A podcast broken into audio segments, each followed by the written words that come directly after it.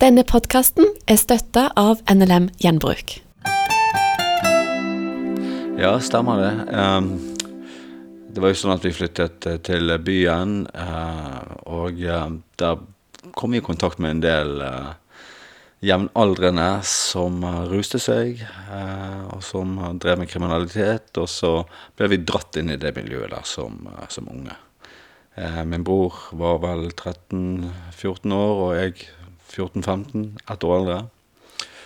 Eh, så det ble en del rusing, og det ble en del eh, kriminalitet. Eh, så fikk vi begge to en fengselsdom ganske unge, så vi satt i fengsel som 15- og 16-åringer. Men jeg tenkte den gang så tenkte jeg at dette kan ikke fortsette.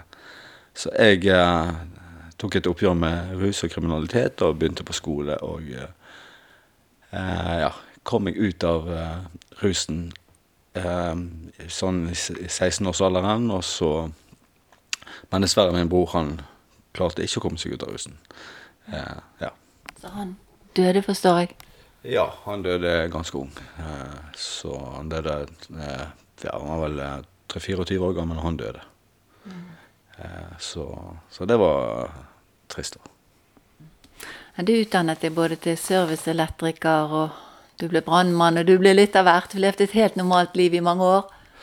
Ja, jeg eh, gjorde det, altså. Jeg eh, bestemte meg for at jeg ikke ville ruse meg, så jeg begynte på en sånn eh, aktiv idrettskarriere. Drev med boksing i mange år, og så eh, gikk jeg på videregående skole. Ble utdannet serviceelektroniker, så det heter så fint. Eh, og så Eh, som 26-åring da så søkte jeg meg inn i brannvesenet og kom inn i brannvesenet og var der i syv og et halvt år. Så skulle det bli en krise du kom opp i når du var i ca. 30 år, som ble for tøft til at eh, det var vanskelig å takle? Ja, altså det er noe med disse eh, karaktertrekkene våre, og ett av de ble jo avslørt. Og det det var dette at for det første så hadde jeg ikke kontroll på bruk av penger. sånn at jeg var spilleavhengig. Og uh, dette var jo noe som den gang min daværende samboer ikke kunne finne seg i. Sant? Jeg spilte vekk alle pengene til husleie. Og, og selv om jeg jobbet som brannmann, så levde jeg et dobbeltliv på den måten. Jeg hadde en uh, ytre, fin fasade, men hadde uh, utfordringer i ja, ting som jeg måtte eller burde ha tatt tak i for lenge siden. Eh, I forhold til ansvar. sant? Dette med å være en familiemann, dette med å ta ansvar for økonomi osv. så Eh, og så um, blir dette avslørt da i rundt 30-årsalderen at uh, her var det en del karakterbrister. Og da begynte jeg å ruse meg. sant? Og når hun sa det at nok er nok, så kunne jeg ikke bo der. Og så uh, For meg var jo det nesten litt sånn det høres rart ut, utenkelig å begynne å bruke narkotika. Eh, så jeg drakk meg full og var på fylla, som det heter, i en ukes tid. Og så ble jeg introdusert for amfetamin. Og En skulle jo liksom tenke at jeg som jobbet i brannvesenet, jobbet i ambulansetjenesten, hadde en bror som døde av, eh, av rus, skulle tenke det at nei, jeg kan aldri bruke narkotika, men eh, jeg ble rett og slett fanget, altså. Så jeg eh, byttet ut alkohol med narkotika. Da ble det amfetamin og ecstasy. Og, og så levde jeg et dobbeltliv. Så jeg eh, var i jobb i brannvesenet, og så ruste meg på narkotika i helgene og, og trodde jeg hadde kontroll. Og rusen tok raskt overhånd i Raymond sitt liv, til tross for avrusningstilbud fra jobben og etter råd fra brannvesenet så valgte Raimond derfor sjøl å si opp jobben sin. Jeg fikk valget mellom å si meg opp eller å få sparken. Så har, det var liksom eh, enden på min eh, karriere i brannvesenet. Ja. Så det var et uh, kjempestort nederlag. Så da raste verden fullstendig sammen, og da hadde jeg liksom ingenting. Og da uh, var jo det sånn at en bare ville gi opp, rett og slett. Mm. Ja. Men Gud hadde andre planer for Raymond. Du bodde på sånn hospits på Frelsesarmeen og litt sånn forskjellig. Kan du fortelle? Ja, det var veldig, veldig spesielt. Um, jeg, um, Jeg husker mange ganger i disse rusperiodene sant, der en var skikkelig nedfor. Og så husker jeg jeg pleide også av og til å synge denne sangen 'Kjære Gud, jeg har det godt'. Og så ba jeg kanskje Fader vår en gang iblant. Og så kjente jeg at det, det var et eller annet som roet meg. Og så um, den, ja, i slutten av februar 2001 Jeg husker det veldig, veldig veldig godt. altså. Jeg eh, hadde rust meg ganske eh, heftig på ja, sånn på alle mulige rusmidler. Sant? Og da hadde jeg også begynt med heroin. Og, og eh, jeg Jeg tenkte det at Ja. Altså, en har liksom ingenting sånt. En, en bor på Frelsesarmeen sitt hospits. Jeg hadde vel en pose med klær og en hundrelapp igjen i lommen. Og så, du vet, 500 meter lenger borte fra Frelsesarmeen sitt hospits, der ligger jo Sandviken brannstasjon. Det var jo der jeg jobbet tidligere. Så det var et sånn utrolig fall. Så når jeg våkna opp den morgenen, så husker jeg jeg gikk bort til speilet, og så så jeg meg sjøl i speilet, og plutselig så kom det en tanke. Hva var det som skjedde, Raymond? Det var omtrent noen som slo på et lys. Eh, og så bare hørte jeg en, en stemme eh, som sa 'Hvis du ikke flytter fra Bergen, så dør du'. Eh, og da plutselig begynte jeg å tenke på Evangeliesenteret. Og, og, grunnen til at jeg gjorde det, det var det at det var to kamerater av meg, og jeg vil bare hedre de, Trond Einar og Tom Brune Mikkelsen, som hadde fortalt meg om Evangeliesenteret. Men da var jeg veldig veldig motstander av alt som hadde med kristendom å gjøre. Uh, men de sa til meg du må bare komme inn, så kan du trene og du kan prøve å få slappet av og komme deg vekk fra byen. Og da, den morgenen så begynte jeg å tenke på Evangeliesenteret. Så jeg tok jo med en gang en telefon til Evangeliesenteret, som hadde da inntak her i uh, Vestre Myralmenningen, var det vel. Uh, og de sa til meg det at ja, du må komme med en gang. Uh, så når jeg kom inn der, så ble jeg sånn Det var jo ikke Jeg, jeg ble bare rett og slett møtt av noen veldig gode folk. Noen eh, gode mødre, rett og slett, vil jeg si. Jeg husker Astrid og eh, ja, et par andre der nede som, som De hadde denne moderlige omsorgen, vet du. sant? Og så ble du utrolig godt ivaretatt. Du fikk rett og slett bare omsorg. Og så var det disse samlingene, da Eh, der de, eh, sant, de ba til Gud og, og, og, sang lovsanger og leste fra Bibelen. Og dette var jo ukjent for meg. Så det som, eh, det som skjedde, det var det at en av disse her som var der nede, han spurte meg du kan ikke trekke et sånt lite mannakorn. Det var en sånn liten lapp med en bibelhenvisning på. Eh, jo da, sa jeg. Så trakk jeg en eh, sånn eh, lapp. Der sto det 5. Mosebok, kapittel 32, vers 9-13'. Så jeg husker det. Men en av de tingene som sto akkurat i det verset, så det var veldig, veldig spesielt.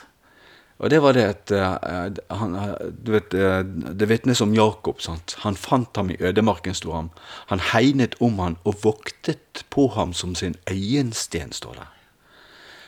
Og det slo sånn inn i meg, fordi at noe av det siste min far sa til meg før han døde, eh, når jeg var, jeg var 17 år gammel da, da sa han 'Raymond, du skal vite én ting. Sånn. Jeg har kanskje ikke vært den faren jeg har ønsket å være for deg, men du skal vite dette, at du har alltid vært min øyensten', sa han. Og det var så rart at jeg skulle trekke akkurat den bibelhenvisningen da eh, 16 eh, år etterpå. Så det ble veldig veldig spesielt for meg. Så jeg tenkte at det var veldig, veldig rart. Og så gikk det noen dager til, og så satt jeg da aleine inne på stuen på Evangeliesenteret på inntaket der.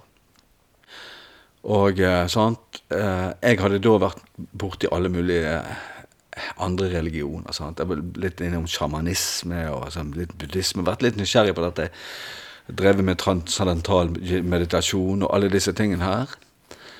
Eh, men så sitter jeg da aleine, og så ser jeg på et eh, fjernsynsprogram fra, fra, USA der de delte ut sånne musikkpriser. Og da var det da en indianer som fikk prisen for beste etniske musikk. Og så husker jeg det så godt. Han kom opp på scenen, tok imot denne prisen, og så løfter han prisen høyt opp. Og så peker han mot himmelen, og så sier han First of all, I want to thank my Lord, Jesus Christ, sa han. Mm. Og jeg, jeg, jeg fikk jo frysebyer. Jeg bare tenkte wow, tenkte jeg. En frelst indianer. Og, og så begynte jeg å tenke OK, Raymond, nå har du prøvd alt. Rus, ulike eh, Vært innom ulike religioner. Du har, du har trent hele ditt liv. Sant? Du har jobbet. Du har, sant? Du har blitt, ja, blitt fanget i noe du ikke kommer deg ut av. Men du har aldri prøvd Jesus, tenkte jeg da. Så i mitt stille sinn så liksom tenkte jeg ja, ja, du, du kan få noen måneder til å overbevise meg. Men jeg tok ikke en bekjennelse der og da. Så, dagen etterpå ble jeg da flyttet fra Evangeliesenteret i Bergen til Evangeliesenteret som lå midt mellom Molde og Ålesund, oppå et fjell som het Vaksikfjellet. Sammen med Kjell Huseby, som var da bestyrer der oppe. Og uh, så var jeg på en uh, kveldssamling, den første kveldssamlingen 15. mars 2001. Jeg husker det veldig godt.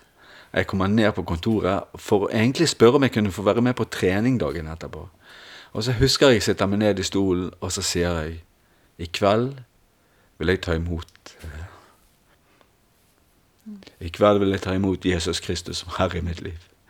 Og du vet, så gode pinsevenner, vet du, så kastet de seg over meg og, og, og, og ba, vet du. sånn Og jeg eh, bekjente Jesus Kristus som Herre i mitt liv. Og eh, jeg spurte er det noe mer jeg trenger å gjøre nå. Ja, sier de, vet du hva, du må la deg døpe.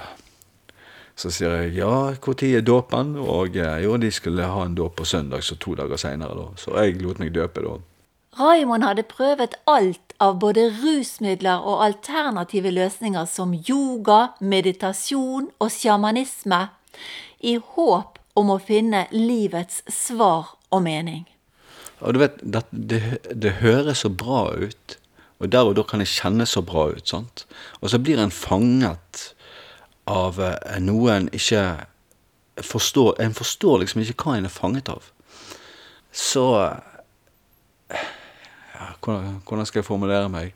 Så er det noe med at når Gud slår på lyset, og du ser, og du kommer til erkjennelse, så kommer også Gud med nåde til omvendelse.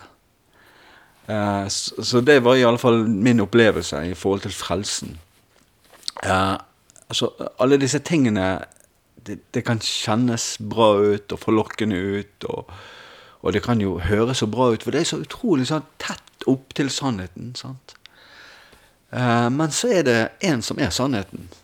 Sant? Altså Det er ikke en læresetning, og det er ikke, det er ikke noe annet. Det er en person, en levende Gud, som er sannheten, og det er Jesus Kristus. Så du sluttet da med all yoga og meditasjon og alt dette her, det kan ikke forenes med kristen tro? Det som eh, jeg Altså dette med spesielt dette med yoga og de fysiske øvelsene, det var noe som jeg, jeg bare kjenner at noen av de øvelsene er jo øvelser som brukes innenfor trening. Men den, den ideologien yoga eh, og eh, den ideologien rundt transcendental meditasjon, eh, det er ideologier som jeg ikke Ja, altså, en kan ikke velge Jesus og støtte seg på ideologier som kommer fra grunnkrefter i verden. Sant? Og det er jo liksom dette med sant, disse her, eh, mye ut av disse yogaøvelsene og mye ut av disse transcendentale meditasjonsøvelsene. Så det er jo, det er jo uh, øvelser som uh, har en åndelighet bak seg, som ikke er av Gud. Og det er det som er viktig å, å ta et oppgjør med. Og det er jo rart at med alle de opplevelsene en har hatt i forhold til rus og sterke opplevelser, sant, så hadde jo jeg kanskje en forventning i mitt stille sinn om at om at eh, jeg skulle få se et lys, jeg skulle få høre engler synge når jeg tok imot Jesus. Men, men, det skjedde ikke noe sånn spesielt. Men jeg kommer opp på rommet mitt seinere den kvelden. Og så fikk jeg en bibel eh, av en eh, broder på, i Vestre Muralmenning på inntaket der. Så husker jeg jeg åpner en bibel den kvelden og begynner å lese i Bibelen. Og jeg har prøvd å lese i Bibelen før. Sant? Så jeg har kommet til kanskje andre eller tredje kapittel i første Mosebok, og så har jeg bare gitt opp. Eh, og tenkt at dette her er ikke noe for meg. Men den kvelden så bare husker jeg at jeg åpnet Bibelen, så bare tenkte jeg oi. Dette her var spennende. Dette var interessant. Og jeg ble helt oppslukt av uh, Guds ord. Og det er jeg den dag i dag. Jeg uh, jeg husker jeg bare tenkte at dette må jeg få mer av. dette må jeg, Og jeg begynte å forstå hva som sto i Bibelen. Jeg liksom? Jeg, skjønte, jeg skjønte jo ikke det da, da, men dette var jo Den hellige ånd som åpnet hjertet mitt, og som åpnet øynene mine, og, og åpenbarte Guds ord for meg. og... eh, og, eh, så da bestemte jeg meg ganske tidlig for at jeg hadde lyst til å begynne på bibelskole. I og med at du har hatt sånne voldsomme både rusopplevelser og sterke ting i, i det du drev med før du ble kristen, så måtte vel Gud ta deg kraftig og riste deg skikkelig for å få deg virkelig til, eh, inn i det han hadde for deg. Ja, det, jeg husker jo da jeg, ble født på ny, så, så ba jo jeg om, eh, om en spesiell ting. Og det var Herre, nå må du møte meg på en måte som slår knockout på mine rusopplevelser. Eh, og eh, jeg husker jeg ba den bønnen ofte, og jeg kom ned på Østerbro Evangeliesenter og skulle begynne på bibelskolen. Så jeg husker det var på et møte med Ludvig Karlsen. eh, ja, Ludvig var der. eh, og eh, Ole Holmen, ja. Eh, og da etter møtet så var jo det alltid sånn Kom frem til forbønn. Sånn. Dette var siste møte forresten på sommerkonferansen i 2001. Og jeg var fremme til forbønn og så sa jeg, herre, hvis ikke noen kommer og legger hendene mine på meg nå, kan ikke du gjøre det? Så bare begynte jeg eh, eh, å takke Jesus. Så jeg bare sto fremme. Herre, takk Herre for at du har satt meg fri fra rusen. Takk for at jeg får være her på Evangeliesenteret. Takk for, eh, takk for livet. Takk for din kjærlighet. Takk for din når jeg står der og takker Jesus, så bare husker jeg hele atmosfæren i rommet forandrer seg. Så var det som å stå inne i noe for meg overnaturlig godt. Du bare kjente at oi, dette var veldig, veldig sterkt. Og så husker jeg jeg ble så overrasket av endringen av atmosfæren at jeg bare åpnet øynene mine. Og så bare tenkte jeg hva, hva er det som skjer nå? Men så hørte jeg en stemme inni meg som sa fortsett å takke Jesus. Og jeg bare fortsatte å takke Jesus. Og denne opplevelsen som jeg fikk, var jo bare sterkere og sterkere og sterkere. Og jeg hadde jo ikke lyst til å gå ut av kirken, for dette var jo så utrolig mektig. Og så, men jeg måtte jo gå ut, for de skulle jo stenge døren. Jeg husker jeg løp over til eh, den avdelingen som jeg bodde på, og fortalte jeg, jeg, det har skjedd noe helt fantastisk. Og jeg sto og takket Jesus, og atmosfæren endret seg, og jeg vet ikke hva som har skjedd. Og jeg fortsatte å søke Gud for det med tungetale, og jeg fikk det også i kort tid etterpå. Så denne her eh, eh, Bare sånn at det er sagt. Det er ikke opplevelsene våre som, eh, som liksom er, skal være eh, det vi støtter vårt kristne liv på, men det er Jesus. Og jeg husker jeg tenkte å ja, der fikk jeg bønnesvar i forhold til den bønnen jeg har bedt nå i så mange måneder. Eh, og jeg tenkte jo at dette vil jo svinne hen, altså, sant? altså liksom den opplevelsen og erfaringen av Gud. Sant? Men bare nå når vi sitter her og snakker om det, så kan jeg, jeg kan kjenne at, at Gud er nær, at Gud er her. at Jeg kan kjenne den atmosfæren av, av, av, Den hellige ånd. Og det er utrolig, For meg blir det utrolig sterkt. sant? Når jeg leser Bibelen, eh, noe jeg gjør hver eneste dag, sant? så er det noe med å eh, si ut Guds ord. sant? Eh, sant? Herre, du er min hyrde. Takk for at du ikke lar meg mangle noen ting. Takk for at du lar meg ligge i grønne enger og leder meg til vann der jeg finner hvile og ro. Takk for at du styrker og fornyer min sjel og bevarer meg på dine veier. Så nå er det 19 år siden du har hatt eh, noen sprekker. Ja, jeg har vært helt rusfri i 19 år, og, eh, og det, altså, alt er Guds godhet. Sant? Er, han er en ufattelig god Gud, en god far. Oi, så du som var mer eller mindre eh, Hadde Jesus langt eh, på avstand. Du ga han eh, noen måneder, kanskje et halvt år, og så tar han tak i deg og løser deg fra rus og løser deg fra spillegalskap. og Ja, hva skal man si? Altså Ved Guds nåde. Det er noe med den nåden som er ufattelig. Eh, en har fått erfare nåden, og så bare kjenner han at jeg, må, jeg, vil bare bli sterkere i denne nåden. Uh, dette at Gud i sin kjærlighet griper inn i livene til mennesker, som han gjorde med meg, og så frir meg ut fra mørkets makt, og setter meg over i hans elskede sønns rike, uten at jeg har gjort meg fortjent til noe som helst. Det er bare nåde. Og, Og uh, i min vandring med Gud så bare åpenbarer han mer og mer av sin, sin godhet. Det står det at det er Guds godhet som driver oss til omvendelse.